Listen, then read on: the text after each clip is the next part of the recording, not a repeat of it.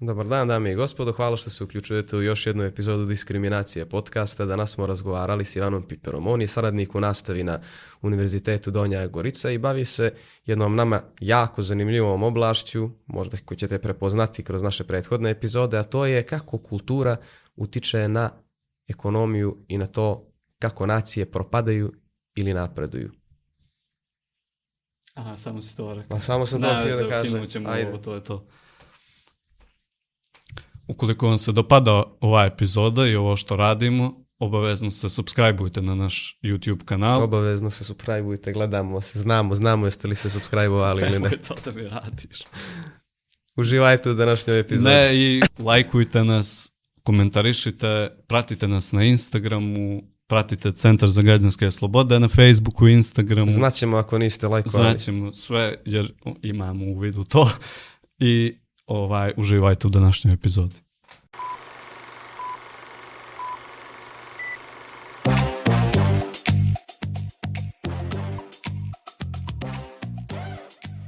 Ivane, mi smo se upoznali kroz projekat gdje smo srednjoškolcima ovaj, spremali smo ih kako se pišu, kako se zapravo pišu u projektima, donosili smo ljudska prava u berane srednjoškolcima i negdje dok smo, dok, smo se, dok smo se vozili tamo kroz priču, kroz neke knjige koje smo pročitali, samo sam shvatio da ovaj čovjek više je diskriminacija podcast, no što smo ti ja diskriminacija podcast. Ovaj, Mi nismo diskriminacije podcasti sam za sebe. Da, da, da. Što, eto, da, ne, da, da ja ne objašnjavam u, u temu, mnogo ćeš bolje ti oko koje smo se mi okupili, a to je, to je tvoja doktorska teza koja je antiteza jednoj knjizi koja je tu bila do sad u biblioteku, ali je Nikola... uzeo se jučer i nisam vratio. Nikoli, Dobro, niste trebale, trebale tu da bude, samo što je ovaj, ovaj čovjek nije vratio da nas... Ovaj, to je knjiga Zašto nacije propadaju. Koja je tvoja antiteza tu? Eto, da, da počnemo od toga da da objasnimo gledocima koji su tu, koji slušaju.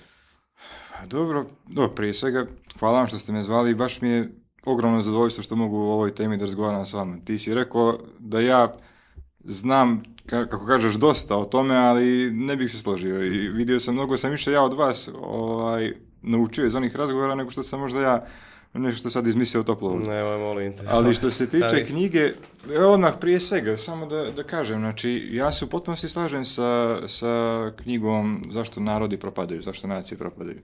Uh, ono što su izložili Ase Moglo i Robinson je ono što u stvari ja, se, ja smatram da je ispravno. Dakle, oni kažu uh, da bi neka zemlja bila bogata, ona trebalo bi da ima ekonomske i političke slobode. I to je skroz tačno. To je sve u redu. Dakle, to je ono što, što govore liberalni ekonomisti, klasični liberali ili to je ono što u suštini Hayek govorio. Dakle, svi oni pripadnici austrijske ekonomske škole. I to ono sa čim se potpuno slažem. E sada, jedino što možda nedostaje, što je meni čudno u tom njihovom istraživanju, jeste da oni su u potpunosti odbacili utjecaj kulture.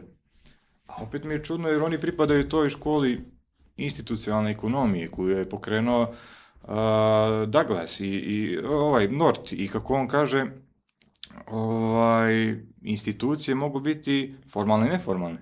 Dakle, formalne recimo zakoni. To ovo što govore Asemoglu i, i Robinson. Dakle, e, to su sve one formalne institucije, da li to znači postojanje političkih sloboda, ekonomskih sloboda koje utiču na to da li, kako će se razvijati neka zemlja. Ali isto tako, institucije su neformalne, dakle, kultura, običaj, navike, to je sve ono što, što se ne može, što se ne može e, posmatrati van te formule. Jer mnoge formalne institucije, zakoni su nastali od neformalnih. Mnogi zakoni su nastali iz nekih običaja koji su se dugo ponavljali i onda su postali zakon. Tako da možemo sad naći veliki broj primjera, ali to je ono što mi je najviše bilo čudno. Ono što mi je još čudno jeste da su oni a, jeste da su oni odbacili taj utjecaj kulture na primjeru Koreje i Berlina. Dakle, imamo Sjevernu i Južnu Koreju i kao primjer imaju istočni zapadni Berlin. Međutim, to su dva, ajde da kažem, izolovna primjera koji ne mogu se projektovati na, na sve ostale zemlje. Nekako djelovao kao da su uzeli su ovo i Pa mislim da im je jedina zajednička stvar što imaju, ova ima sjevernu komunističku stranu, ova južnu liberalno-demokratsku, a ovi imaju istočno-zapadnu tu podjelu koja, čiji kontekst ne odgovara, čini mi se, Jest. rekao bih Da. to koreanskom. Kroz cijelu, kroz cijelu knjigu, eto, za gledalce koji nisu, nisu pročitali, oni uzimaju tu primjere određenih određenih oblasti koje gradeći znači, svoju teoriju na tome da te oblasti imaju istu kulturu, iste, istu geografiju, apsolutno, apsolutno isto sve. Na primjer, kao Nogales, iz, gdje je jedna polovina Nogalesa o, o, sa jedne strane rijeke Rio, Rio Grande nalazi se u Sjedinjenim američkim državama, druga se nalazi u Meksiku, to je apsolutno isto mjesto po svemu, po kulturi, po položaju. Ovi koji su u Ameriku, mnogo je manje kriminala, mnogo je veći standard života, sa druge strane gdje je Meksiko, tu je ono katastrofa, kriminal, Jest. e, nasilje e, i što ih odvaja, odvaja ih što vi imaju takozvane, jel tako, e, institucije koje su U Americi, Inkluzivno.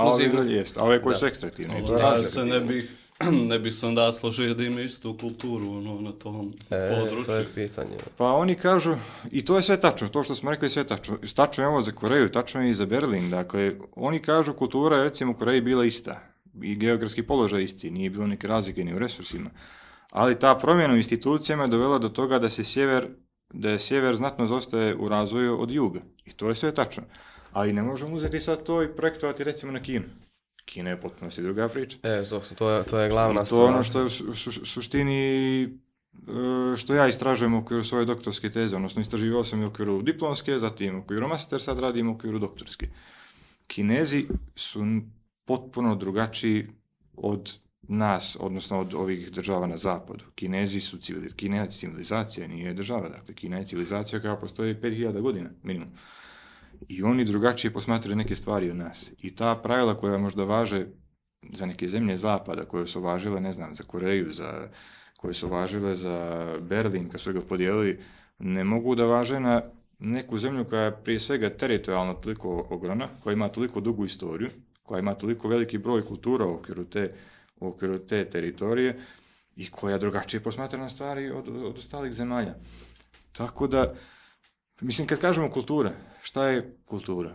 Kako ja zamišljam? E, u toku tih 5000 godina, koliko traje istorija Kine, ti ljudi, pojedinci, bilo da su oni poznati, nepoznati, oni su prošli ogroman broj iskustava i oni su naučili ogroman broj lekcija na bazi tih iskustava.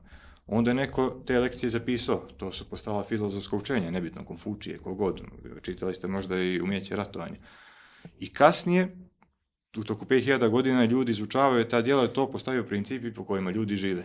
To postaju pravila po kojima se ljudi ponašaju. Pravila po kojima se država treba se ponaša, pravila po kojima pojedinac treba se ponaša prema svojoj porodici. Odnos između države i pojedinca. Dakle, to su sve ta neformalna pravila koja, da li svjesno ili nesvjesno u glavama pojedinaca, oblikuju i ta formalna pravila. Danas Kina kad donosi zakone, kad, kad donosi nove inicijative, uvijek ih to jest najčešće ih pravi na bazi iskustava iz prošlosti. Imate inicijativu Pojas i put. To je ništa drugo nego upgrade puteva svile. A putevi svile su ono što je bilo srž te kulture Kine, ta povezanost, saradnja, trgovina sa drugim zemljama. Tako da ne može se tako lako odbaciti kultura iz te formule. Jer oni kažu, a se moglo i Robinson kažu, Kina je danas na putu da postane prva ekonomija svijeta zahvaljujući prelaska iz socijalizma u kapitalizam. To je tačno. Ali to se desilo prije 100 godina. Ajde neka bude tako. Da.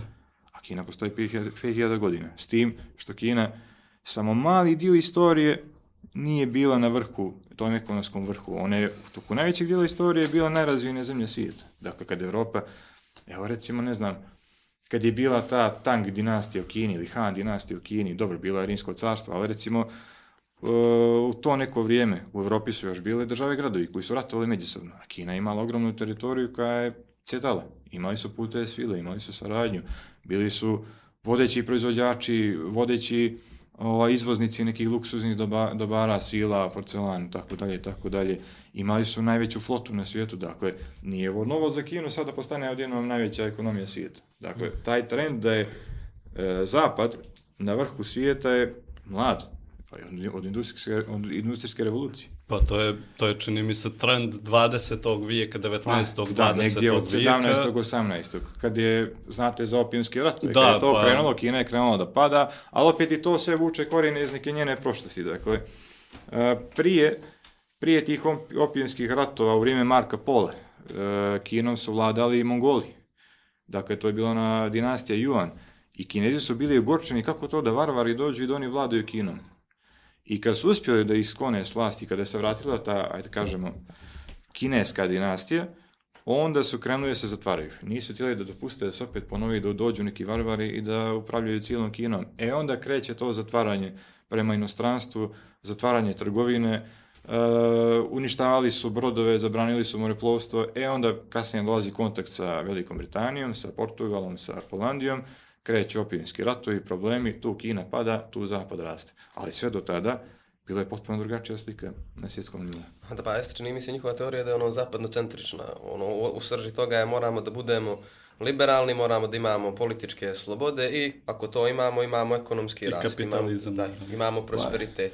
A kako oni objašnjavaju to što je što Kina pravi ovo, ovo ludilo, meni nije bilo iskreno ubjedljivo. To mi je ostalo nakon što sam čitao tu knjigu koja mi je ostavila ono, dosta jak utisak, dosta ono, dobra teorija. Razmišljao sam, aha, Kina i ono njihovo objašnjenje. A ovo što, ovo što je Kina na vrhu sad je privremeno. Oni ako se ne, ako se, ako ne uvedu u političke slobode, oni će, oni će da, da, počnu da, da padaju. Nja rast da se, da se zustavi. Je li to baš tako? Moramo li, moramo li da imamo i političke slobode da bismo imali ekonomski rast? Čini se na primjeru Kine da ne, ali ono šta to njih odvaja od svih ostalih ko- koji ovdje nisu Pa uspjeli. mislim, zavisi kako se u toj kulturi definišu Da, no, sam političke ali, znam, znam, ali, ali ono, kako se opet i u toj kulturi definišu političke slobode, ne znam, ono, nije, nije isti princip a, političkih sloboda koje dolaze iz nekog francuskog prosvetiteljstva, Da. nije se pojavio u Kini, vjerovatno. Meni je to preinteresantna oblast, preinteresantno pitanje. E, prema austrijskoj ekonomskoj školi, uopšte prema liberalizmu, najbolja kombinacija za zemlju da bi napredovala je da postoje i politički i ekonomski slobodni. To ono sa čim se ja slažem. To je nepisano pravilo koje najčešće funkcioniše. Najgora naravno kombinacija je kada nema jednog ni drugog. Druga najbolja kombinacija ako postoje ekonomske, nema političkih, takav sistem ima tendenciju da pređe da uvede i političke slobode. A imate onu četvrtu kombinaciju kad postoje e, političke, ali nema ekonomskih, ali to se jako rijetko javlja. I on ima tendenciju da pređe potpuno da nema nikakvih sloboda. E sad, mi smo na zapadu navikli da to mora da ide jedno s drugim. I to je tako i, i realno i bilo na mnogim primjerima. Ali postoje izuzeci koji ruše sad to pravilo. Imamo Singapur, imamo recimo Kinu, koje su uvele ekonomske slobode, ali nemaju političke slobode.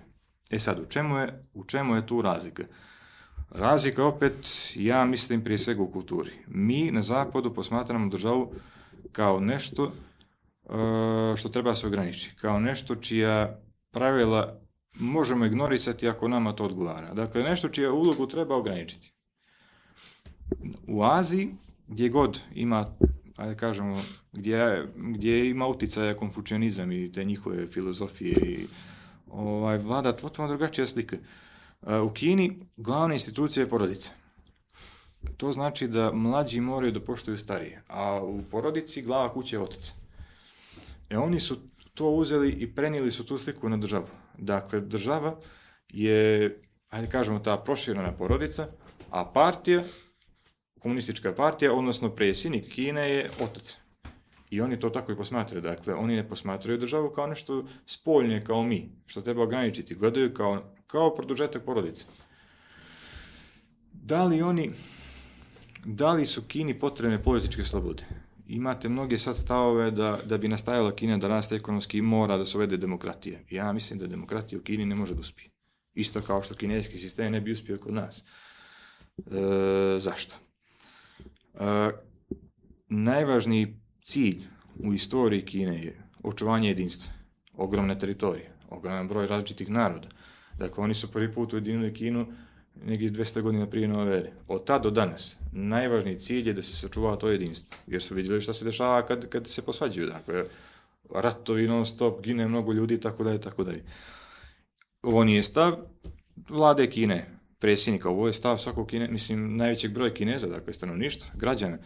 I njima su mnogo važnije, mnogo je važnije očuvanje jedinstva i političke stabilnosti nego lične slobode onako kako ih mi percipiramo ovdje na zapadu. Njima ne smeta to što u Kini imate ne znam koliko kamera po glavi stanovnika ne smeta i što vlada kontroliše sve što rade. To je njima jednostavno nešto što, što je dio svakodnevnog života, što bi trebalo da se radi. Oni to posmatraju kao da je to za bezbjednost dobro, tako dalje, tako dalje. Dakle, drugačije percipiraju lične slobode od nas. Prvo na mjestu im je uvijek očuvanje jedinstva cijele države i politička stabilnost. Jer pazite, ako, uvede, ako se uvede demokratija u Kini, u Kinu, šta može da se desi? Hong Kong bi mogao se odvoji, a ako se odvoji Hong Kong, imate domino efekat, pa onda kreće vamo Xinjiang da se odvoji, onda će Tajvan isto tražiti nezavisnost, pa imate onda i Tibet će tražiti Tibet, potpuno nezavisnost i onda više Kine nema. I onda se vraća opet na najvažniji cilj, na još koji je Konfučije pokrenuo bio. Jedinstvo, smo, jedinstvo mora da se očuvava po svaku cijenu.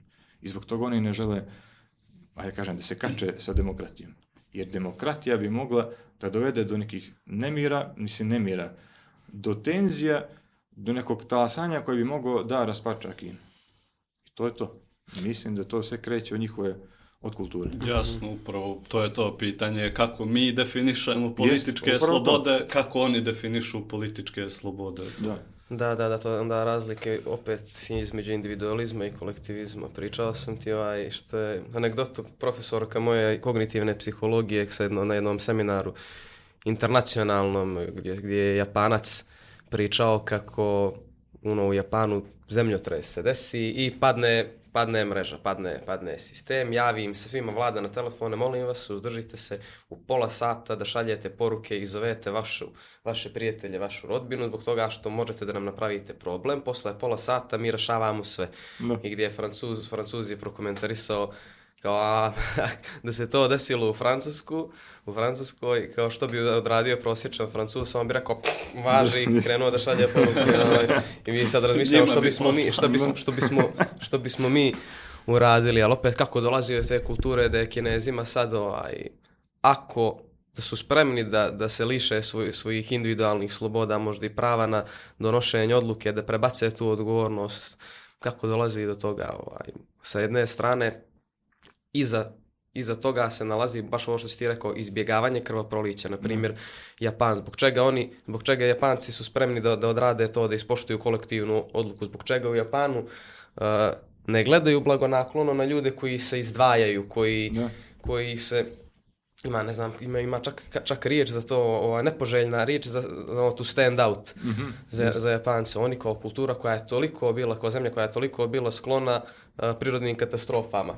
Da. Imati u takvoj sredini jednu osobu ili dvije osobe koja ne poštuju pravila i ne stavljaju uh, interes grupe ispred svoga interesa i ne prate odluku, bez obzira što oni misle i što se njima čini u tom momentu, je značilo ugroziti opstanak cijele zajednice. Značilo je, kao što, kao što, je, što, što ti kažeš kinezima, značilo ono, uh, ako krenem ja da filozofiram tu sa nekim svojim slobodama i odlukama, postoji mogućnost da se pokoljemo. Svi tako i u Japanu, ako ja krenem da tu nešto izmišljam, ajmo svi ljudi desno ovaj izlaze, ja baš neću ide mi se ovamo, ovamo lijevo, ono, poginu smo, propade, propade cijela stvar, propade cijela stvar tu, a gdje ti se čini, gdje je Crna Gora, tu jesmo. Ka, što misliš? Jesmo li više ovamo put Amerikanaca ili put Kineza? To je pitanje od milion dolara.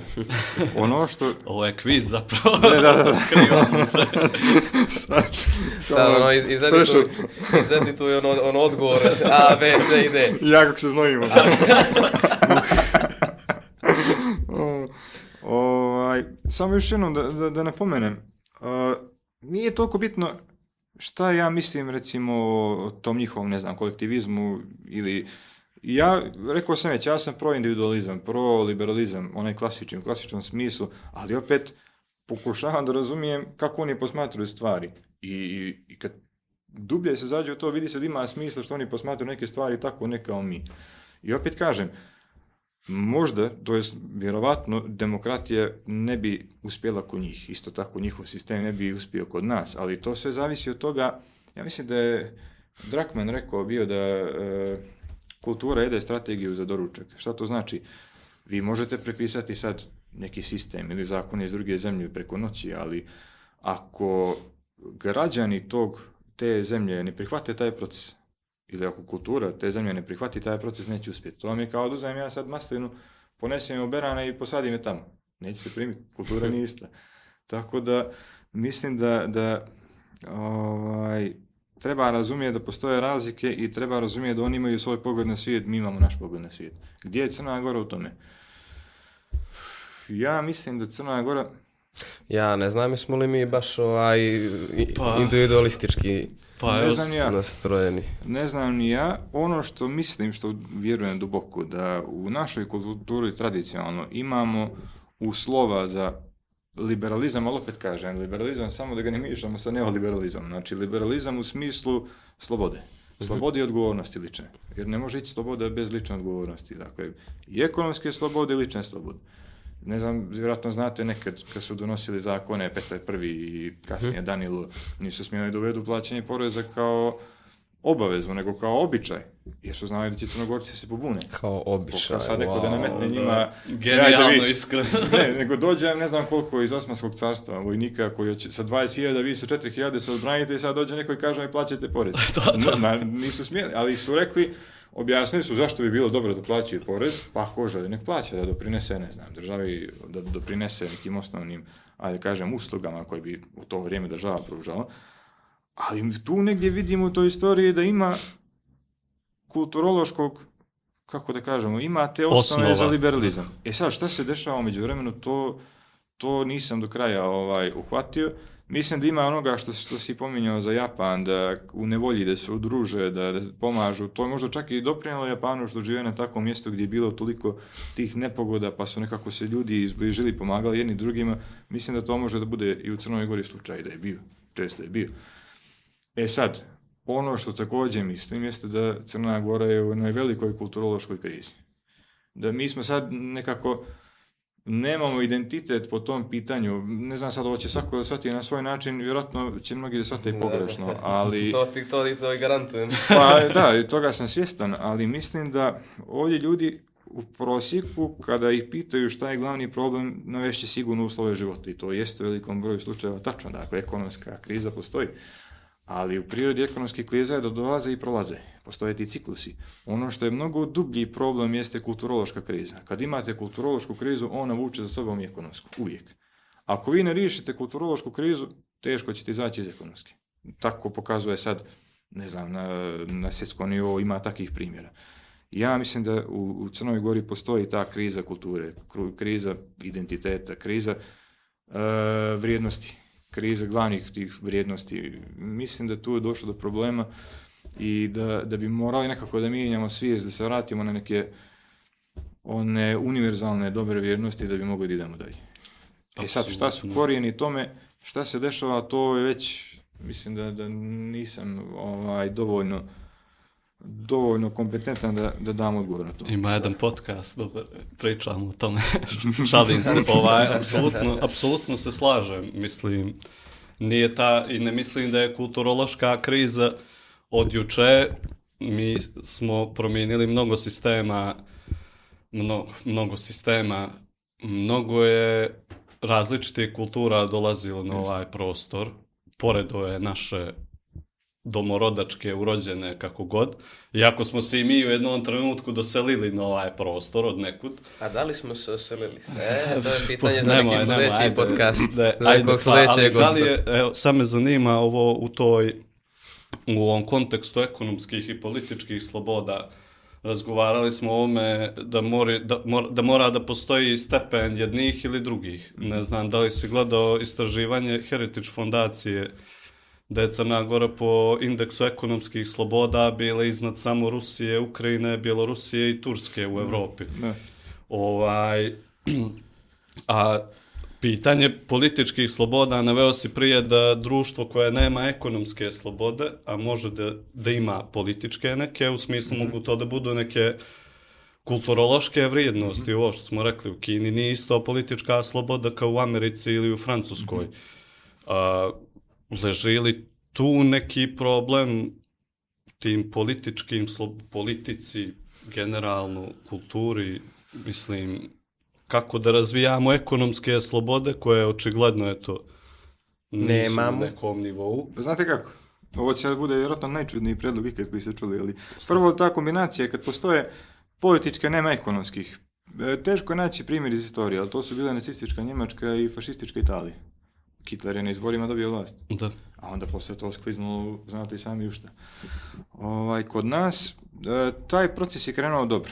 Naročito one reforme oko nezavisnosti kada su bile, to je krenulo u dobrom smjeru.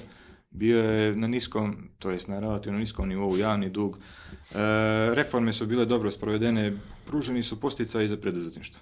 E sad, e, javile su se neke druge struje koje, znate šta mislim da bi to bilo, šta bi tu dovelo do nekog napretka?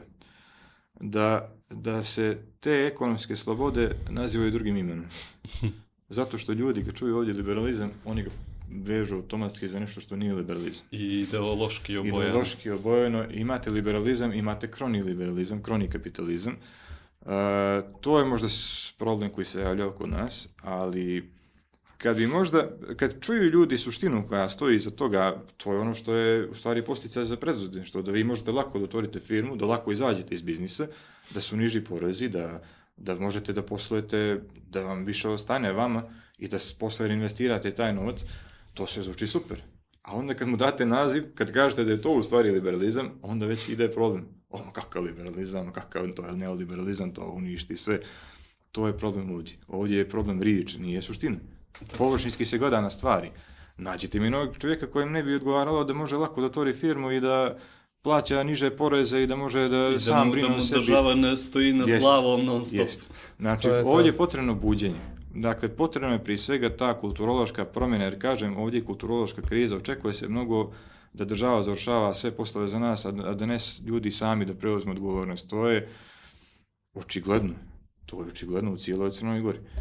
Ne znam, i, i Crna Gora, ta, te institucije pružaju postice za to. Vi imate uh, socijalni sistem u Crnoj Gori koji, ja mislim, Švedska bi nam pozavidila nekad kad vidi boli vas nešto, imate naknadu, polomite nešto, imate naknadu, ne radite, imate naknadu, imate za sve naknadu, samo da ne radite. I onda ljudi nemaju posticaj da rade. Tako da, a, očekuje se mnogo od toga da drugi rešavaju probleme. To je opet kreće od kulture. E, Očekuje se mnogo od toga da država treba sve da obezbijedi. Ono što mi isto, što me zaprepastilo, dosta ovako kroz posao razgovaram sa djecom, iz, imali smo neke fokus grupe u mnogim projektima i cijele Crne Gore, i onda ovako pitamo ih čisto da kažu čime bi se bavili, idealan posao. Da li je to javni sektor, da li je preduzetništvo, ne bi vjerovali kolika većina isključivo preferira javni sektor. O, je li moguće Siguran to? posao. I sad? I dalje. Siguran posao, a preduzetništvo se percipira kao nešto gdje, gdje vas taj poslodavac koristi, gdje vas, ne znam, gdje, gdje vam daje niske plate, gdje vas upotrebljava i tako dalje, to što je nesigurno, to se kreće od roditelja.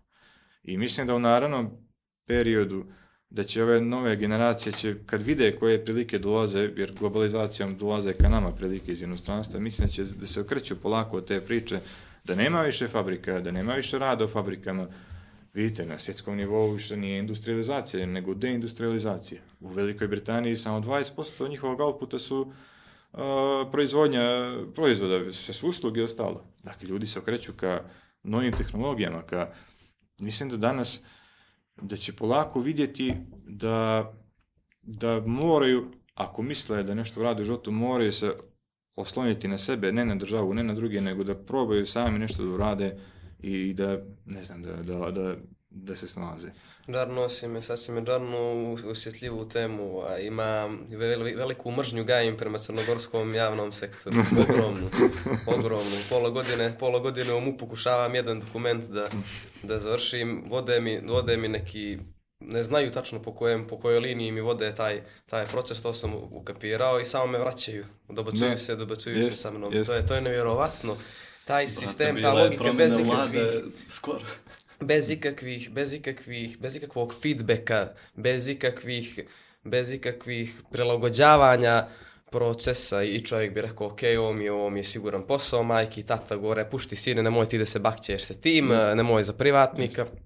Sa, zapravo istraživanja pokazuju da je meni na, u državnom poslu a, mnogo veća šansa da doživim burnout, da imam stres, da zbog hijerarhije imam loš odnos sa kolegama, sad, ono, zašto je, zašto je to baš tako, kad je to toliki raj, to je, to je sigurno, ti ne moraš ništa ni da radiš, e pa baš zato što ne moraš ništa da radiš. Jeste, a to je ubistvo, ubistvo duha, što bi rekli. Ovaj, uh, ne znam, meni je alar- alarmantno što veliki broj djece tako razmišlja i imaju potpuno pogrešnu predstavu o preduzetništvu. I to dolazi sve iz porodice. A onda kad im objasnite, imaju pot- potpuno pogrešne pretpostavke o tome kako se otvara recimo svoje firme. Oni su mislili da morate da imate, ne znam, 15.000 eura kapitala, da morate da imate minimum pet zaposlenih da bi to moglo se otvoriti. Ne. Znači, uslovi su vama dovoljno jedan euro od kapitala da bi otvorili firmu. Ovaj, I onda poslije kad kažu, kad čuju da neka iskustva, naročito kad upoznaju neko koji je uspio da uradi nešto u preduzetništvu u Crnoj Gori, onda već zamisle se ono, dobro. A i mislim da ta svijest mora da se, moramo da bježimo od toga siguran posao, moramo da bježimo od toga javni sektor. Mi, naš javni sektor je pre, preopterećen, preopterećen. Prevelik To broj je- ljudi radi u to je, to je preslaba riječ. Uđite u ministarstvo, bilo koje, uđite u bilo koju javnu upravu, oni nemaju gdje da sjednu tamo, nešto drugo.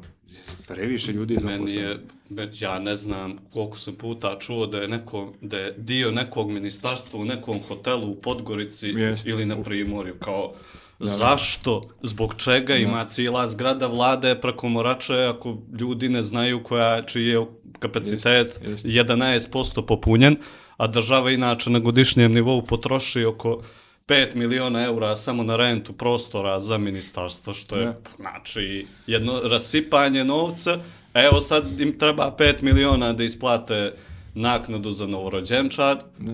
Kao, mislim da ne ulazimo sad u se- javne nema- što se politike, tiče- što se ali tiče samo, naknada. samo ovo što, evo, oprostite što prekidam, ovo što si rekao da i djeca i dalje imaju tu tendenciju da im se više sviđa neki posao u javnom sektoru, meni nije alarmantno, mislim, jes alarmantno što djeca tako razmišljaju, ali al- alarmantno je što ih roditelji i, i zajednica tako vaspitava da tako razmišljaju, to je Jest. Širi neki Pa problem. to je, to, je, to je ono što kažem, da imamo problem kulturološki. Da. Dakle, ta svijest mora se mijenjati. Te osnovne vrijednosti su nekako nestale. Vidjeli ste sami, sve u Crnoj Gori se svelo na nešto manifestacijono. Ništa nema više ono dubinski, pa ne znam, i ovi neki goreći problemi, ni više ni to duhovno što se toliko govori da je duhovno, nego sve je izgubilo karakter onoga što je trebalo da ima i sve je prestalo na nešto, prešlo na nešto manifestacijono. Na pokazivanje nečeg, ne znam, na praćenje nekih dal trendova ili izmišljanje trendova, Da. tu moraju neke velike promjene da se dese, kako i na koji način to ne znam. Nakon toga što, što kažeš za djecu, radila je Svjetska banka 2018. istraživanje da vide što to nije u redu s nama ekonomski. I baš su našli to, baš su našli to kao, kao glavni faktor, kao ljudi. Nevjerovatno je koliko su ljudi motivisani da vam rade u javnom sektoru za što nema potrebe i koliko vam je sla privatni sektor. Cijel privatni sektor i to što imamo privatnog sektora, to je ono sezona, turistički ono, i ono ta koncipirano na taj način da se dosta radi i na crno, da se dosta, da dosta dolaze ljudi sa strane iz Srbije, iz Bosne, ne znam, da rade tu. I još, još jedna stvar, ova preduzeća koja, koja opučiše ekonomiju, ono, Montenegro Airlines što je bio i ovaj plantaže. Znači, to je, to im, je- to im je glavno, ali opet, zbog čega, zbog čega sad, zbog čega je to tako? Mi sada zađemo u kulturu, to je što, ono, njihova eko, ekonomska analiza. Roditelji neđe u Crnoj Gori vaspitavaju djecu na način, sine, nemoj slučajno da pogriješiš. Kao ono što kod Japanaca imamo, što smo pominjali ranije, situaciju da je odstupanje od kolektivne odluke kod njih nešto kažnjivo što vodi u krvoproliće, e kod nas se čini da imamo tu kulturnu normu da pravljenje greške, bilo kakve greške, da je to nešto da je to nešto katastrofalno. da, to vodi, da to vodi u katastrofu. A što meni, što meni treba da bi da bi ovaj bio preduzetnik, treba sebi da dozvolim da napravim grešku, treba da preuzmem odgovornost za svoje odluke. I baš sam sad ovaj, baš sam sad uzeo onaj Hofstede, što smo, što smo neđe pominjali, još ranije sam uzeo da iskucam, nego sam Zašto izašao, a slučajno je, slučajno je bilo da vidim gdje smo mi to tačno, što sam postavio pitanje, smo li bliži Amerikancima ili, ili, ili, ili Kinezima. I ukucao sam. Dodaj neke Evo ga, čehe. to je to. Ovo ćemo prikazati na, na ekranu. Pogledajmo, molim te. Ovaj, mi smo toliko bliži Rusima i Kinezima po našem kulturnom sklopu nego Amerikancima. Mi smo ono, kakvi što kaže, koji Srbi, mi smo, mi smo Kinezi. Jedino što se, jedino što se, po čemu se razlikujemo od Kineza je ovaj uncertainty avoidance. Aha. Kinezi su gleda mnogo, mnogo hrabriji od nas. Koliko je kinezima uncertainty? Mala. Mala, Da, što bi značilo je- da, da oni sebi dozvoljavaju da, da se otisnu, da naprave grešku. Da. A mi Rusi smo katastrofalni. mi Kinezi moraju da hasluju zbog ogromne konkurencije, tako Da. da, je tamo hasl, hasl, hasl. Ali ovaj... Zapravo to je prava kompeticija. Jeste, je. ja mislim da Crnogorci posjeduju ogromnu sposobnost, jer mi živimo na Balkanu. Balkanci su sposobni, posle svega što smo prošli, moramo biti sposobni. Pa jeste, mi, J puta nema, mi ćemo ga naći. Samo kad bi to moglo da se pretoči, da ide kroz sistem. Što ću da kažem? Ja mislim da smo sposobni, mislim da smo kreativni. E, naši mladi, to vidim, siguran sam, da mogu da pariraju bilo kome na svijetu. Samo kad bi mogli da sistem treba da im pruži posticaj da tu svoju kreativnost ispolje. Snaće se oni šta god je u pitanju, kaže, a gdje mi mala Crnogora, mi da se bavimo nekim preduzetništvom, ne znam, ni ja i tako dalje. Danas je dovoljno da imate kompjuter, imate internet konekciju, vi možete čudo da napravite. Ako imate ideju. Mislim da roba koja će najviše prodavati u budućnosti su ideje. Nisu to više, ne znam, fabrike koje se toliko ovdje traže. Crna Gora je mala. Crna Gora ne može da živi od fabrika. Jer je vi, ne znam, hoćete praviti... I već i ne živimo od toga.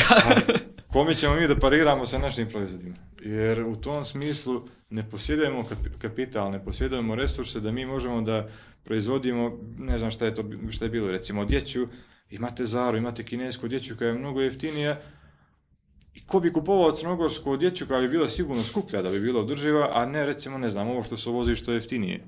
Tako da to ne bi nikad mogo da, ne bi, ne bi nikad, ne bi uspjelo u Crnoj Gori. Crna Gora se okreće, mora se okreće sa uslugama.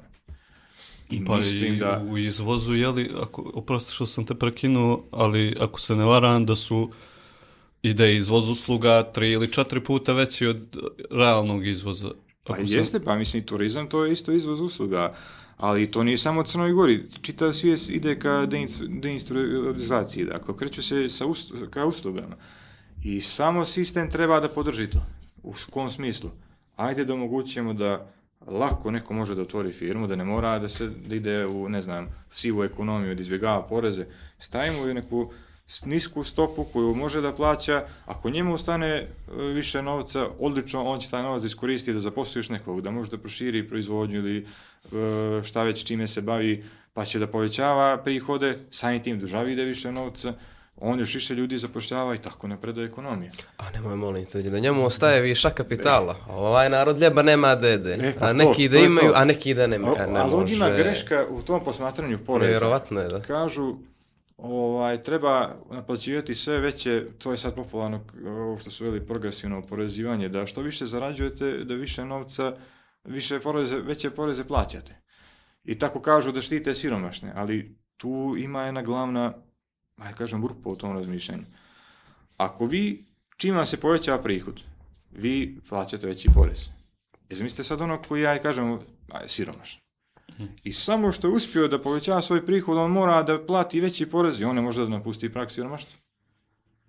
I onda, što više novca uzimate u njih, sve manje ostaje novca da on nešto uradi, da zaposli još nekog da proširi poslovanje. Ali ako je porezka stopa flat, dakle jedna ista za sve, onda onaj koji je bio siromašan sad može da napusti prag siromaštva, više ostaje njemu.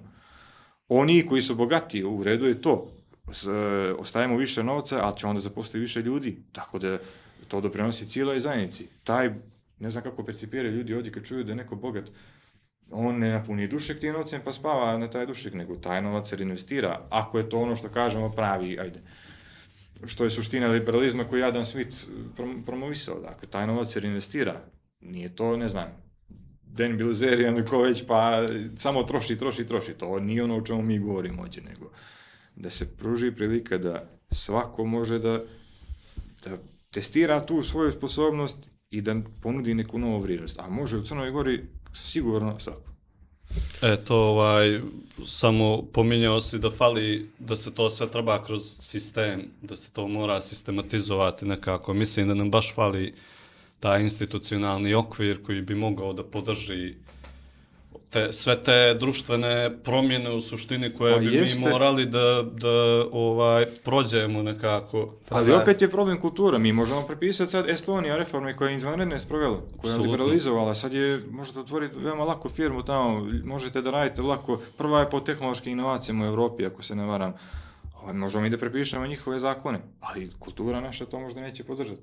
Tako da ta svijest prvo mora se promijeni, da se više nema otpor prema preduzetništvu, da više nije samo broj jedan siguran posao u javnoj upravi, to mora da se mijenja. Kad se to promijeni, kroz nove generacije, e onda može da se konkretno... Da, apsolutno. Samo, meni jedna stvar samo pada na pamet, samo zato što je u medijima ovih dana i samo je zbog sezone i samo je zbog nove vlade, to je ovo ukidanje neradne nedelje. Mm -hmm. Kao ja mislim da ako mi kao društvo nismo toliko solidarni, svi zajedno, da ne možemo da regulišemo bilo koji način da ljudi koji rade u, u trgovinama primarno, kojih ima ja ne znam koliko desetina hiljada u Crnoj Gori, ja mislim, ali ako mi kao zajednica ne možemo da obezbijedimo da ti ljudi rade jednostavno 8 sati dnevno, 5 puta nedeljno, nego oni rade šest puta dnevno, 7, 8, 9, 10 sati nedeljno, nekad rade i nedeljom dok nije uveden taj zakon. Znači, mi ne možemo zakonski da obezbidimo slobodan dan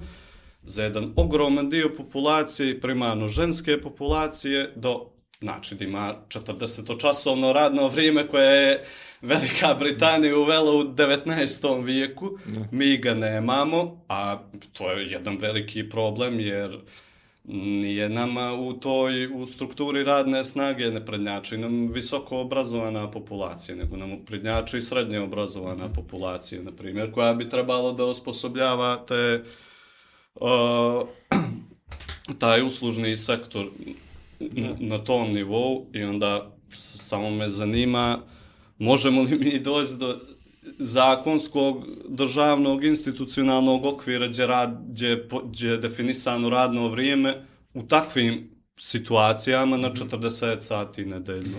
Eto, samo pazi, pazi ovo sad, eto, vi mi dajte odgovor, ekonomisti ste jedan i drugi, da li bi ovo moglo da funkcioniše kod nas? Na konto toga što si rekao, ja sam, kad sam bio na work and travel na Aljasku, znači, nikakvu oni nemaju regulaciju da ti radiš 4 sati i da ne smiješ preko toga, već kad sam radio u restoranu i primaknem se tome da radim preko 8 sati taj dan tamo, ili na nedeljnom nivou da je preko 40 sati ima ono, uh, na kompjuter da se prijavljuješ i odjavljuješ. A na kompjuter, a? E, na, na aparat, ovaj. Znate li, bježao sam po lokalu od menadžerke koja je trčala za mnom da, da pod hitno idem kući, mm -hmm. da se odjavljujem, zbog toga što svaki minut, svaki sat koji meni ide preko, ja primam 50% veću satnicu. Mm -hmm. Mislim, ima li nešto s tim rešenjem da ne bi ovdje funkci funkcionisalo? Ima svijest, Nema naša para, kultura i ustaljeni obrazci koji postoje Pa nego, eto što misliš, samo u ovaj, u ovaj zakon, odgovor, kad radiš preko 40 sati, primaš 50%, sve preko vremeno ti se plaća 50% više, mislim, da li ima tu nešto što, što, što je, šta blokira tu što misliš, mislim, eto. Pa šta blokira tu, opet ono što prije rekao, ima i kod nas, ono, hustle, hustle, ovaj, ljudi se snalaze kako znaju mi. I mislim da ovdje, pa, ajde ovako da kažem, problem je, opet se sve vraća na isto. Gledao sam neko istraživanje u Švajcarskoj, ekonomist ga je objavio. Svaki četvrti švajcarac zna ko im je predsjednik. Ovdje u Crnoj Gori svako zna svakog. Ne samo da svako zna svakog, svako zna gdje izlazi bilo koji poslanik, ministar, šta jede, gdje je bio danas, gdje je, je bio Britaniju Velder često. E, to da. A da, jest. To I je Bošković je vamo, Bošković je vamo ponekad. Bošković je u Bošković. To je, to je problem. Ovaj, ovdje se od politike napravio show, show i ti politič, političari se posmatraju kao, ne znam kako, kao one zvijezde. Pa evo, opet ovo će zvuči, vjerojatno će se mnogi osjetiti prozvanim, ali kao da je to neka na nacionalnom, na nacionalnom nivou zadruga. Mislim, ovo je krajnje, sad banalizuje, nadam se, se niko neće uvrijediti, ali mora malo manje politike da bude u svakodnevnom životu. Kad bude malo manje politike, onda mislim da će onda moći da se ide ka nekim produktivnijim rješenjima, jer previše su trenutno previše je politika umiješana u sve sfere života. I kad se razgovaraju o ovim temama, ne može da ne prođe kroz politički filter. Kome da. odgovara, kome ne odgovara. Šta će da kažu glasači ovih, šta će kažu glasači onih. To je problem najveći. Ne donose se toliko zakoni koji su realno dobri, koji su dugoročno dobri. Donose se zakoni koji su u kratkom roku dobri i jako u dugom roku mogu da naprave pakao, da kažem, ali donose neke jeftine političke pojene nekome kome je to u interesu. To je problem. Tako da, ja, tu, sam, tu me brine da, da se takve stvari ne posmatraju kroz to da li je dobro ili nije, posmatraju se kroz to da li to njihovi glasači podržavaju ili ne podržavaju, šta će ko da kaže, šta ko neće da kaže. Pa eto, neka, ne- da, ko će da se pojavi u Crnu Goru? Da odradi reformu kao što je bila u Estoniji javne uprave, na primjer. Koliko će ljudi bez posla da ostane tu? Znači, svi ovi koji ne trebaju da, ne treba, ne treba da nas bude realno toliko u javnoj upravi, to su beskorisni poslovi, to je trošenje para, imamo one naknade, ja ne znam, ima li iđe naknada u svijetu, bez, bez u Crnoj Gori, ko će da odradi to? To je političko samoubistvo. Znači, oni koji ne, i glasove, glasove dobiju tako što, tako što zapošljavaju na te, na te pozicije državne, ko će da se pojavi i da ostavi toliko ljudi bez posla privremeno koji ono su U toliko ovoj vremena... državi Pa, to je gdje smo opet pomenuli, gdje se svi znaju, a ako ne znaš nekoga, političko- znaš odmah osobu koja poznaje tu Jeste, osobu. To je, Znači, političko, to je političko samoubistvo. Dakle, to će vidite, toliko sad bi- dođe, jeste, da kaže neko... linč, ne, možda nije čak ni toliko političko, koliko ja vjerujem da se pojavi neko da odradi to, pa njega bi ubio neko na ulici. ajde, Sigurno. ajde, neka neko sad ukine neradnu nedelju, da kaže, ajde da uvedemo petodnevnu radnu nedelju kao u, u nekom civilizovanom svijetu i za to bi ga linčovali, jer ona će da ukine radnu nedelju ili kad frejmuju političari, da li ste za povećanje plata ili niste, zamisli, n- jesmo za povećanje plata, ono, brate. A to je problem. Pa evo opet to, švajcarci imali su na referendum onaj Universal Basic Income i odbili Da. su ga. Odbili su ga, ali opet, i sam ja to zvuči super. Vi dobijate, ne morate raditi ništa, dobijate, ne znam, 1000-2000 eura mjesečno. Jeste, to je odlično. To je super, ja nemam ništa protiv, ja bih volio da svi ljudi imaju mjesečno Para. 1000-2000 eura. Ali pazite sad problem. Kad se poveća ponuda novca, onda dovodite, to, to, to bi dovelo do inflacije. Evo recimo, ne znam, ja imam market. Znam sad da vi dobijate 1000 eura mjesečno. Znam da imate više novca, ja ću podignuti cijene. Banalizujem maksimalno. Čim imate veći, veću količinu novca u narodu, a da nije ispraćena većom proizvodnjom, imate inflaciju. I to onda znači da za tih 1000 eura možete kupiti mnogo manje nego što ste mogli nekad za 1000 eura, recimo dok nije bilo inflacije. Dakle, gubi se vrijednost novca. To je, to je problem isto. I to se dešava kod nas. Ovo sada što je Europa sad uradila, uh, ubrzala, je, ubrzala je inflaciju u Crnoj Gori. Jer imate nekog, evo recimo frizeri, možda su zaposleni u nekom salonu imali minimalnu platu. Sad kad on njima mora da poveća na 450, on onda mora da poveća i cijenu usluge da bi mogao da isplaća njima platu. Jer ako ne bi povećao cijenu usluge, mora bi da otpusti nekog. Postoje ljudi koji bi radili za manje, ali sada ne mogu da rade za manje, a poslodavac može da ih plaća možda. I tu ima isto problema, to je nekako brzo urađeno sve, to je ubrzalo inflaciju. Druga stvar, ako vi dobijate 1000 eura mjesečno, da li biste vi radili nešto posle toga? Bi li O, imali- o, u Crnoj Gori? Da. Nikad u životu. Zašto bi neko radio ako ima 1000 eura mjesečno? Bukvalno, Odo mi ja. bilađe iz, izglasali se 99% universal income, ono. To bi bilo odmah bokješka ujutru, ne znam šta je aktualno uveče, odo malo do mora da se spusti. Malo Bokeška, bokeška, žinka, bokeška ujutru, bokeška A, popodne, bokeška uveče, to. ako ima milijadu eura. Koji ima- Zašto bi radio nešto kad bi imao 1000 eura? I šta se onda dešava sa društvom poslije kad niko više neće da radi? Zašto nacije propadaju? Zašto zašto nacije propadaju? To je problem, sve je to lijepo. Ja sam za to da ljudi imaju više novca, ali mo- samo treba pogledati do kakvih problema to može dovede. Obično one stvari koje se upakuju da zvuče tako lijepo, nose sa sobom baš neki dobar šamar koje posle kasnije tek zaboli ljude.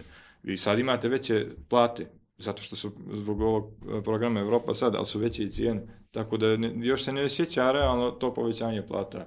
Jer ako rastu i cijene uporedo sa platama, vi ne možete kupiti ništa više nego što ste ranije mogli ovaj, sa manjim iznosom. Tako da tu su neki, tu leže neki problemi. Da, apsolutno novac funkcioniše po nekim čudnim Pa, principima, se, mi se šalimo sad sa tim, ali ja sam ubiđen duboko da negdje ljudi u Crnoj Gori ne shvataju ovaj, ovaj princip, ono, nisu, nisu sebi nisu sebi utuvili u glavu da Novak funk- funkcioniše tako da je to ono, da je to čista izmišljotina. Da je to ono, samo određeni simbol koji koristimo da kvantifikujemo vrijednost koju, koju pružamo, da iz, iza novca, ono, što je ono bila, bila priča ovaj, u koju državu, da li u Kubu, da li, da li u Peru, negdje u Južnoj, u Južnoj ovaj, Americi, kad su napravili revoluciju komunisti ovaj, i ne znam kako su došli, kako su došli na, na vlast, ovaj, državna kasa prazna skroz, znači nema država para i ovaj, dolaze mu savjetnici da mu kaže katastrofa ko mi, mi centa nemamo, ali pa mi smo na vlast kao samo i štampajte još ono, Da. para. Pa to, Moram pronaći da, to posle, Kad sam imao, ja mislim, 5-6 godina, možda tu negdje 7-8, pitao sam se, zašto država jednostavno kad, je- kad je fali novac, zašto ni štampa novac? Onda poslije shvatite o čemu se radi. Vi doštampate novac. Vi ste povećali ponudu novca. Ali ako ne povećate, ako tu povećanje ponude novca ne isprati povećanje proizvodnje, vi ste izazvali inflaciju. Ako izazovete inflaciju, opšti nivo, opšti rast cijena, onda ste u gadnom problemu. A ako krenete dalje štampate, onda ulazite u začarani krug i do, postanete ono što je Zimbabwe bio, recimo. Da, ili Jugoslavija, Jugoslavija. ne znam zašto idemo dalje od Europe, zašto, Zašto idemo idemo dalje od samih sebe, Sve imamo, sve tražimo imamo ovdje. probleme, ono, Zimbabwe, Amerika, Kina, ovo, ono, a kao Crna. Gora ima sva ta iskustva, imamo i rat, imamo i građanski rat, imamo inflaciju, imamo tranziciju, imamo socijalizam, imamo kapitalizam. Imamo sve. Ja, I ono što, ja nekad razmišljam šta bi bilo da naša centralna banka može da štampa novac. Pa to bi bilo, okrenuli bi, ja mislim, zemlju naopačke. Jedino što bi se vozilo u Crnu Goru bio bi papir za štampanje i ona boja za štampanje novčanica. Nama ne treba centralna banka za ovakvu malu zemlju, mi imamo euro. Mi ne možemo da utičemo sad, ne znam, na, na inflaciju, zato što ne štampamo mi novac. Možemo jedino kroz, eventualno kroz povećanje ili smanjenje obaveznih rezervi od strane centralne banke, ali to je opet neznatno, To su neznatni utjecaj. instrumenti, dakle, ono, pa, pa, mi, Je, da, nama, da, nama ne- to ne znači jer smo ništa. mala država Da. nekad, ono, Ali koliko ima centralna banka zaposlenih? Ne bih znao, ali vjerujem da ima previše. Previše, previše. A šta rade? Mislim, to ću da kažem, ovdje u Crnoj Gori ljudi vole prečice. Prečice do novca. O- o- uglavnom posmatraju taj način da se nepo, neko obogati i to posmatraju kao nešto što se dešava preko noći. Ali nema uspjeha koji se desi preko noći, a da nije bio u pripremi minimum 10 godina. Lju- ljudi koji uspiju u preduzetništvu ili kako, na koji god način nisu uspjeli preko noći, ako se bave legalno. Uspjeli su tako što su čitav život na neki način unijeli sebe u tu misiju koju su imali. Ali ne, mi ovdje volimo, ajmo preko noći se obogatimo, čim bude neka prilika, nešto, ne znam, što čurnija kombinacija, bolje je, to bolje. Čel, čel. To je to, znači, a, samo da neke prečice se nađe. I tako isto se posmatraju često stvari, a prečica nema. Prečica nema. Opet kažem, vi možete preko noći promijeniti zakon, prepisati šta god, ali ne možete promijeniti svijest, kulturu, ne možete preko noći promijeniti nikako. A to kad smo se dotakli inflacije, ovaj, na ovo pitanje famozno koje postavljamo u cijeli podcast o zašto nacije propadaju, ima Dalio, Dalio ima ovaj, gledali smo ga, gledali smo svi tu zanimljivu teoriju da je zapravo u pozadini toga zašto, kako, se, kako neka zemlja prestaje da bude vodeća svetska sila i kako je druga zemlja zamjenjuje u zadnjih 600 godina sve da isti obrazac.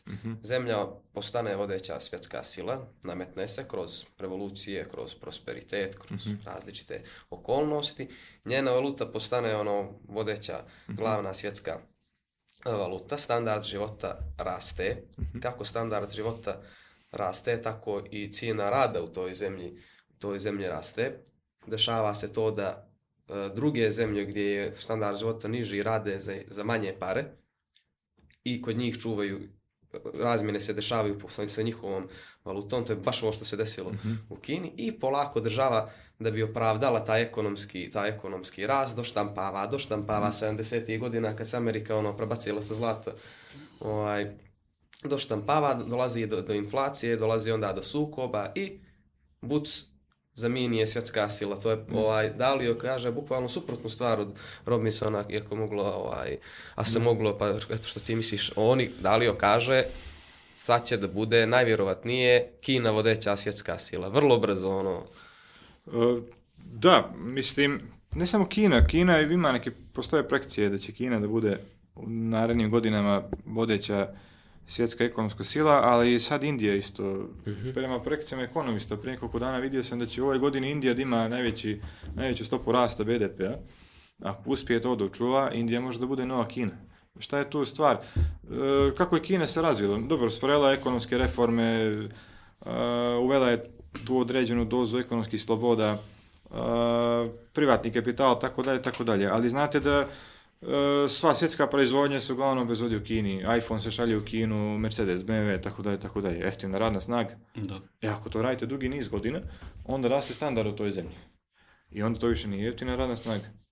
E sad je to Indija. Tako da se prebacuje polako Indiju. Te fabrike i Indija isto može da bude ovaj, u top 3 ekonomiju, naravno, per, mislim, ajde negdje posmatrano do 2050.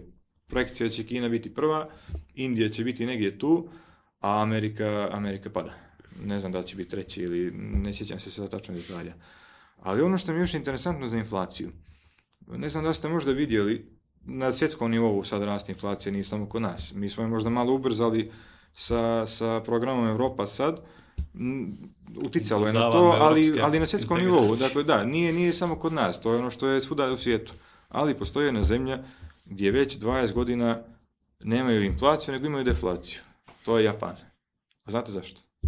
Ja sam čitao, mislim, ono, ti imaš sigurno in, ovaj insajderski informacije. Znamo od, pre- od premijera Japana, rekao je. ovaj, ali ono, čitao sam da su oni, zbog same i fizičke veličine države i nekih, da su 90. godina dostigli GDP koji dan danas imaju, koji malo fluktuira ono, u procentima, da su tad dostigli taj vrhunac ekonomskog buma, da od tad imaju ono, praktično stagnaciju što se tiče GDP-a prosjer, ovaj, nominalnog ili kako god, i da imaju trendove starenja populacije. Da se Je li zbog za to? Da se zbog toga... Tu su veliki broj faktora. E, Sve pa to, jeste- ti kažem, ono, sigurno vjerujem da je veliki broj faktora. Ali onaj koji je možda meni najviše zapao za oko, mislim da deflacija je isto problem. Isto kao što je inflacija, deflacija je problem. To nije ovaj nešto što je sad da kažemo, što treba da bude u zemlji. Ali opet se kreće sad od kulture, odnosno od običaja Japanaca. Oni ako im se ne, ne povećavaju plate, oni automatski smanjuju potrošnju i sam novac koji imaju na štednju drže. Dakle, a šta se desi ako onda svi krenu da štede? Znači, to je, ne govorim ja, njih 5-6, neko čita Japan, to je običaj u Japanu, Da, to, da. to su navike, to ono što je postala kultura. Ako nema povećanja njihovih plata, znači ako, ako nemaju veće prihode, oni smanjuju ovaj potrošnju. A čim smanjuju potrošnju, onda ovi prodavci moraju da smanjuju cijene da bi privukli njih da kupuju nešto. I onda tako imate, tako se održava deflacija, dakle cijene padaju kontra u odnosu na ostatak svijeta. E sad su i oni, vidio sam u zadnjih mjesec dana, mislim da i kod njih kreće inflacija, da su nešto po A, tom pitanju se radili, ali zadnje dvije decenije je bila deflacija. Znači, jednostavno Da. to je njihov običaj. Čim osjete da je kriza ili ako nemaju više novca nego što su imali, smanjuju potrošnju, dakle ne žele da troše, idu maksimalno štede i idu, kao što ono, imamo one prodavnice kod nas sve za, za 1 euro. Tako oni imaju njihovu varijantu prodavnica sve za 1 euro ovaj, i tu najviše kupuju. I to je nešto što onda utiče na cijeli sistem. Ako ja prodajem u Japanu, ne znam, i držim prodavnicu čega god, ovaj, ako niko neće dođe, ja- ću morati da smanjujem cijenu da bi neko došao da kupi nešto. I kad to svi krenu da rade, znate deflaciju. Da, da, da, da, zanimljivo. Tako da ovaj opet faktor. kultura. Opet kultura. A što misliš, kakve su, eto, ti Nikola isto što ti misliš, što mi mislimo o tome koje su implikacije svijeta, ili ajmo Crne Gore, u kojoj više nije Amerika najjača, nego u kojoj Kina ono nedvosmisleno preuzme, Kina i Indija preuzmu primat kao najjače ekonomske sile. Nezahvalno pitanje, nezahvalno je praviti bilo kakve projekcije, bi Pa, ono, ja ali... mislim da Crna Gora nije sad neko da ko će da bude isključiv, ko da kaže aha, mi ćemo samo s Kinezima ili mi ćemo samo s Amerikancima. Mi smo mala zemlja i mislim da možemo da sarađujemo sa svima. I za nas je dobro da postoji više prilika jer nama su potrebne takve prilike. Ja ne vidim sad problem, aha, imamo ovu saradnju sa Kinom, onaj mehanizam 16 plus 1, Uh, dio smo sad to, ajde kažemo, inicijative Pojas i put. Ja ne vidim to kao problem za saradnju s Amerikom. I čak šta više vidim još bolju poziciju za saradnju s Amerikom, jer imamo bolju infrastrukturu ovdje, imamo više predika za nas. Mislim da je dobro za našu omladinu da može da bira, jer njemu bolje da ode u Kinu, da ne znam, na neku praksu ili nešto, ili mu je bolje da ode u Ameriku. Bitno je da on ima prilike. Pa gdje će, bitno da ima izbor. Pa gdje će dode da iskoristi tu priliku, to je njegov. I onda kad se vrati u Crnu Goru, da to znanje ili iskustvo koje je pokupio, da ga vrati ovdje. Tako da ne bih pravio segregat ili ne bih ovaj, bio isključiv, pa ga kažemo sad Kina bude vodeća ekonomija svijeta, kak ima implikacija na nas u smislu odnosa, ne znam, sa Kinom i Amerikom. Mislim da bi Crna Gora trebalo da gleda da ima dobre odnose i sa Kinom, i sa Amerikom, i sa Evropom, da ne bude, nismo mi u poziciji da, da postavljamo neke uslove bilo kome, nego mi samo treba da gledamo da budemo, eto, da, da, da budemo prijatelji, dakle ne, da, da ne stvaramo saveze, nego da stvaramo prijateljstvo sa, sa svima njima. A s obzirom da je njih dvije milijarde, a nas šest stotina hiljada, ono, i mi smo jedna ulica, tamo to je tako, a, a, eto, a što misliš još, imam neku, imam neku intuiciju da smo na pragu nečega velikoga sa ovim što smo pomenuli za, je li, je li Petar prvi bio u pitanju da je, da je porez uveo kao običaj? Da. Au, ne, mi... Ono, ako na obrazti familije ide, ako ne platiš porez, ono, ka, da se uvede to. To je najveća sankcija Znači, bilo obraz. U, obraz. Mislim, na golcima, može, mogu si ti njih da zatvoriš u zatvor na 5 dana, to nije ništa, ali ako ih izbaciš sa onog zbora, sve uopšte, to, to je kazna da, bila. Da, ili, Ljudi, ili tipa mislim- čitao sam da umjesto zatvorske kazne, u suštini zatvor nije imao čuvara, samo su im uzimali pištolje. Znači, oni su bili ljudi u državi gdje svako nosi pištolj, Da. bez pištolja, znači, šta ćeš ti da radiš, bježi u zatvor, brate, ono, tamo te smo- niko ne dira. Ja, kako, kako sam, eto, nisam dugo u ovome poslu NVO-ovskom, ali mi se čini da mi treba da se manemo pisanja predloga javnih politika, da pišemo neke predloge običaja. to je to. definitivno. Poslanice, brate, poslanice, Poslanice, znači- one stege, ne To znam. da, stegi. to je to da ne pišemo mi javna Zakon. politika zakon, eto naučili smo više zakone, javne politike, kampanje, ne poštujemo to je To, to, to što je NVO sektor, totalno. NVO sektor ovaj neefikasan, fino, CEGAS da počne da piše poslanice. To. I institut za strateška, no dobro, i Poslanica Ministarstva unutrašnjih poslova. Daj, napravite informacioni sistem, molimo vas. Eto ga, to, to je to, to je to, ovo je bio produktivan podcast, definitivno kad smo došli do, do ove, reali, ove realizacije, počinjemo da se bavimo poslanicama. To ono, gledao sam na, na audiciju, iz nekog razloga sam to upalio da gledam ovaj, nastup Đura Frane, Franete, ovaj kamataš kad je kad je umro, ali nisu mu izjavljivali saučešće, učestvujem u žalosti, nego dužan 400 eura, dužan 300 eura, to je to tako neki, neki sistem treba na, na obraz što udara to, da, to. Da, da jeste. uvedemo.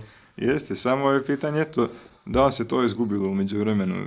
Fali nam malo i te hrabrosti koje smo nekad imali, ono što si ti rekao, da se malo više griši.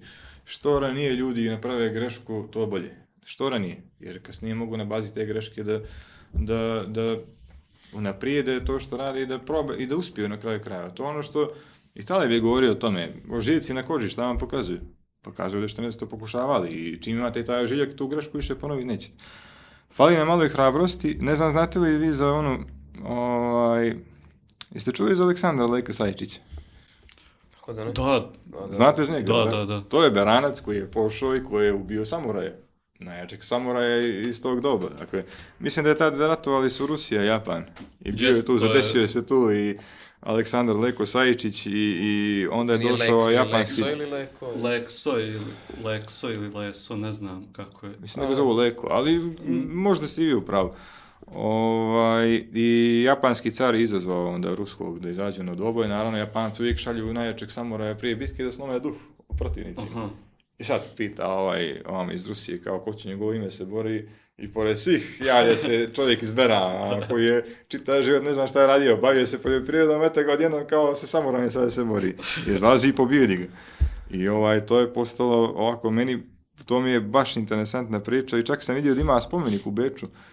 Ovaj, ali mislim da je iz Crne Gore, ne znam da se sjećate možda Transformers u Crnoj Gori. Da, kad su bili. Mislim da je ekipa koja je njih radila ili momak koji je njih pravio da je napravio njega. I da je valjda u muzeju, da ladno došao se negira, može li biti? Neko mi je pokazao ovaj, tu sliku, tako da ovaj, fali nam malo tih e, po čemu smo nekad bili poznati. Da budemo poznati opet po tome, da se to ne izgubi. Dakle, ta hrabrost, to briga za drugog, e, odlična odgovornost, a i obraz. Obraz isto. Da opet malo, bilo bi dobro, ja bih bio srećan kad bi danas ljudi bili, kad bi se plašili toga da im nešto ne utiče na obraz u onom smislu koji je, da kažem, normalan.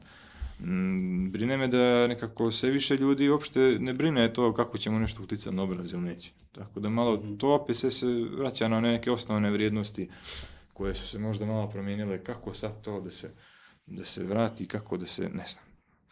To je pitanje za nekoga. To je pitanje Drugo, za, ali ne te- za milion, nego za sve pare. Za milijardu eura, dođi sljedeći put. ovaj, Opet ide ono kakvi Da, fun fact, mislim da je Crna Gora zbog tog, zbog tog rat, rusko-japanskog rata 1905. ostala s Japanom u ratu preko 100 godina jer nismo potpisali mirovni sporazum. Jeste, ono, jeste, jeste. Samo smo ostali u ratu zvanično, Jeste. ali kao eto... To je još, je, još jedna fora koju sam čuo da je, da je Lekso, Leko, Leso, ovaj, da je ubio toga samuraja, sad ne znam je li to nego imate je iz- varijanti, izmišljotina, dok, dok, se ovaj, dok se ovaj poklanjao da mu ovaj glavu Ne bi me čudilo i to da uradio. Pa smo preuveča, preuveličali mi, Jes, jes. i mi Rusi preuveličali priču, ma nemoj, nije se to Tu desilo. ima hiljadu varijanti i pitanje je šta Kako bi to uradio. dobro, kako bi to dobro bilo da je to stvarno istina, Da, ja da, bih volio da. da, da je to Da. stvarno istina. Opet Balkanac našao se.